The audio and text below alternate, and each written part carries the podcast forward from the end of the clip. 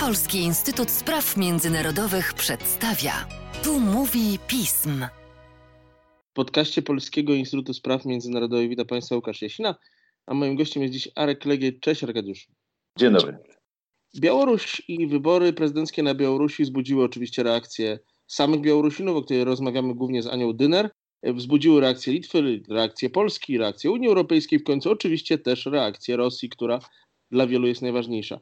Ale mało kto zainteresował się tym, że również inne państwa obszaru postsowieckiego, mm, zwłaszcza te leżące w obszarze Twoich zainteresowań, Kaukazu Południowego czy Azji Centralnej, też na to zareagowały i była to reakcja cokolwiek różna. Na czym to polegało, Arku? Ta reakcja była cokolwiek różna, ale jednak w większości te państwa pośpieszyły drogą dyplomatyczną z gratulacjami dla, tutaj w cudzysłowie, yy, nowo wybranego w wyborach prezydenta Aleksandra Łukaszenki. Mówimy tutaj o takich krajach jak Kazachstan, Kirgistan, Uzbekistan, Tadżykistan, Azerbejdżan, a nawet Armenia. To, co łączy te kraje, to jest to jednak jakiś szerszy kontekst, jakaś szersza wspólnota interesów, jakaś szersza wspólnota potrzeb, którym po prostu warto się przyjrzeć, bo czasami od, od tego pytania, że, czy, czy gratulowali, czy nie, jak się zachowali, jest, jest również pytanie, co warunkowało takie postępowanie. W przypadku tych państw na pewno wspólnym mianownikiem dla prawie wszystkich z nich jest członkostwo w organizacjach integracji eurazjatyckiej rozwijanych przez Rosję. Mówimy tutaj przede wszystkim o Eurazjatyckiej Unii Gospodarczej i o Organizacji Układu Bezpieczeństwa Zbiorowego, czyli takich quasi wydmuszkach, odpowiednikach rosyjskich Unii Europejskiej i NATO. Mhm. E, z tych państw, które wymieniliśmy, Azerbejdżan i Uzbekistan nie są ich członkami, aczkolwiek no tutaj wspólnym mianownikiem jest to, że no Rosja wciąż pozostaje jakby ważnym punktem odniesienia ich polityki zagranicznej, a współpraca czy, czy, czy utrzymywanie przynajmniej dobrych, poprawnych relacji z tymi, z tymi e, tworami integracyjnymi no, no, no jest jednak istotnym czynnikiem w ich polityce zagranicznej. I oczywiście tutaj to, że te państwa są w jakiś sposób podporządkowane Rosji, i, czy, czy, te państwa są członkami tych struktur prorosyjskich, to nie znaczy, że to były takie po prostu bezwiedne hołdy, hołdy e, wdzięczności, hołdy podporządkowania. Nie. Te decyzje o tym, że liderzy tych państw zdecydowali się gratulować e, Łukaszence, były w mojej ocenie warunkowane przez dwa czynniki. Jeden jest taki, że w zasadzie z wyłączeniem Armenii i, i Kirgistanu w jakimś stopniu, to wszystko są państwa autorytarne. To wszystko są państwa, gdzie również nie ma demokratycznych wyborów. To są państwa, gdzie również zdarzają się wyborcze protesty i jeżeli jest potrzeba z tymi protestami radzi się w taki sam sposób jak na Białorusi, oczywiście w zależności od potrzeb. Więc trudno oczekiwać, żeby ci przywódcy, których mandat społeczny jest również oparty o autorytarne metody działania, sprawowania władzy i jej zdobywania, Trudno, żeby oni teraz wymagali od Łukaszenki wyborów demokratycznych. Trudno, żeby krytykowali go za to, jak postępuje teraz wobec osób protestujących na ulicach Białorusi. Więc tutaj nie powinniśmy być tym zdziwieni, bo, bo, bo, bo jest to naturalne postępowanie wpisane w logikę tych systemów politycznych. Ale druga rzecz to jest obawa przed protestami. Przykłady Armenii z poprzednich lat, ale również na obszarze postsowieckim Ukrainy, Gruzji pokazują, że naprawdę dzięki protestom można w efektywny sposób przejąć władzę, odwrócić losy, zmienić elit, elitę państwową w państwie.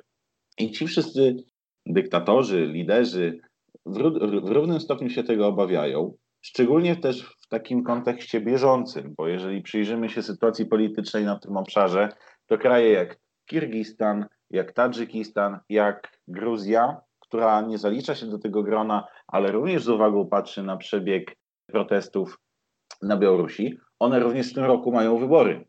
I o ile w Tadżykistanie czy, czy, czy Kirgistanie no również, może, no, również możemy się spodziewać sytuacji podobnej do tej na Białorusi, szczególnie w przypadku Tadżykistanu, aczkolwiek z, z o wiele mniejszą mobilizacją społeczną protestujących, no to ciekawym faktem jest Gruzja, która zdecydowanie dba o wizerunek państwa demokratycznego, państwa tak troszczącego, troszczącego się praworządność. Faktycznie tak jest, ale wiemy, że Gruzja jako to państwo demokratyczne również ma swoje problemy z protestami. W zasadzie od roku, od czerwca ubiegłego roku w Gruzji trwają kolejne fale protestów antyrządowych, a to opozycyjnych, antyrosyjskich, ale wszystkich tak naprawdę anto, antyrządowych. I te protesty są poważnym zagrożeniem dla rządzącego gruzińskiego marzenia w kontekście wyborów zaplanowanych na jesień tego roku. Bo oczywiście nikt nie zakłada, że wybory na Gruzji miałyby być sfałszowane, ale trudno nie zakładać, że reakcja społeczeństwa, reakcja przede wszystkim opozycji, tak czy inaczej może być gwałtowna i wówczas z tą gwałtowną reakcją y, państwo gruzińskie, obecna władza gruzińska będzie sobie musiała w jakiś sposób poradzić. Wiemy na przykładzie protestów sprzed roku, że zarówno jedna, jak i druga strona przekraczały pewne granice, wykorzystywały przemoc. To nie były do końca pokojowe protesty i ich tłumienie też nie było pokojowe. Tylko, że w sytuacji, jeżeli miałoby to miejsce obecnie, władza również będzie myśleć o tym, aby nie zostać wrzucona do jednego koszyka z władzami białoruskimi, no, które bezwzględnie protestują, e, pacyfikują protestujących po wyborach niedemokratycznych. To by było bardzo szkodliwe dla Gruzji i dla każdego innego kraju, który, któremu daleko jest do Białorusi, ale który mógłby być wrzucony w pewne schematy. Tylko jeszcze, jeżeli jesteśmy przy Gruzji, to jest też fajny przykład, żeby wrócić tylko do tego wątku, od którego zaczęliśmy, czyli kwestia Rosji i tych organizacji integracyjnych. Kwestia tego, że Gruzja czy Ukraina nie gratulują Łukaszence, pokazuje, że jeżeli państwa w jakimś większym lub mniejszym stopniu są w stanie i zrobiły to, y, zerwały te pewne więzi uzależnienia od Rosji, to nie muszą się kierować tymi samymi konwenansami, co, co, co, co inne państwa. I, i, I tutaj przykładem jest Armenia, bo gratulacje ze strony Nikola Paszyniana e, wobec Aleksandra Łukaszenki wzbudziły chyba najwięcej kontrowersji. No cóż, tutaj... został prezydentem także w wyniku podobnych rozruchów. Tak, tylko że to były w całości pokojowe rozruchy i to, to jest właśnie ta granica. Protestować, ale, ale bez użycia przemocy, wszelkimi metodami, ale bez użycia przemocy. Tylko tutaj chodzi o coś innego.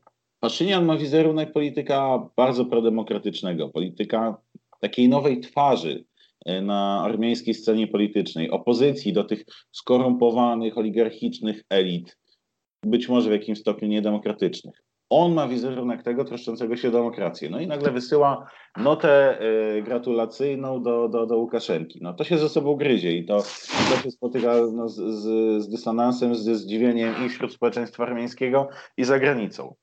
W mojej ocenie jest to podyktowane właśnie tymi więziami uzależnienia i tą koniecznością y, funkcjonowania w rosyjskich organizacjach y, współpracy wielostronnej. Pamiętajmy o tym, że na przykładzie Euroazjatyckiej Unii Gospodarczej jej członkami jest Rosja, Białoruś, Armenia, Kazachstan, Kirgistan. No, gdzie Armenia ma szukać sojuszników? E, Kazachstan, Kirgistan są państwami turkijskimi, które w wielu kwestiach pozostają, powiedzmy, asertywne wobec propozycji Armenii lub możliwości współpracy z nią. Rosja wykorzystuje te organizacje do realizacji swoich celów. Jest to instrument jej politycznego nacisku, więc trudno Rosję postrzegać jako partnera. No więc kto zostaje? Białoruś, z którą Armenia bardzo często ma wspólne interesy i próbuje za nimi lobbować. Ponieważ nawet jeżeli przyjmiemy, że te organizacje to są takie wydmuszki sterowane przez Rosję i tak naprawdę to nie są formaty integracji odpowiadające Unii Europejskiej czy, czy, czy innym tego typu organizacjom integracyjnym, no to w dalszym ciągu na tym poziomie współpracy wielostronnej tam ciągle jest coś do ugrania. Taryfy y, eksportu surowców, y, wprowadzanie coraz kolejnych E, gałęzi integracji gospodarczej w ramach tych struktur. To są kwestie, w których Armenia i Białoruś bardzo często mają podobne stanowisko, bardzo często inne stanowisko niż Rosja i szukanie dobrych relacji, budowanie sojuszy no jest czymś naturalnym. No i tutaj niestety albo stety e, ten przykład pokazuje, że no, czasami od tego wizerunku prodemokratycznego ważniejsza bywa pragmatyka. No cóż, nie tylko dla Armenii, nie tylko dla Białorusi pragmatyka jest ważna. Widzimy to także na przykładzie wielu państw zachodnich reagujących na kwestie białoruskie. Zobaczymy też, co to przyniesie tym państwom we wzajemnych relacjach, ale o tym już nam odpowie Arkadiusz Legieć za jakiś czas. Dzięki Arku wielkie. Do usłyszenia, dziękuję.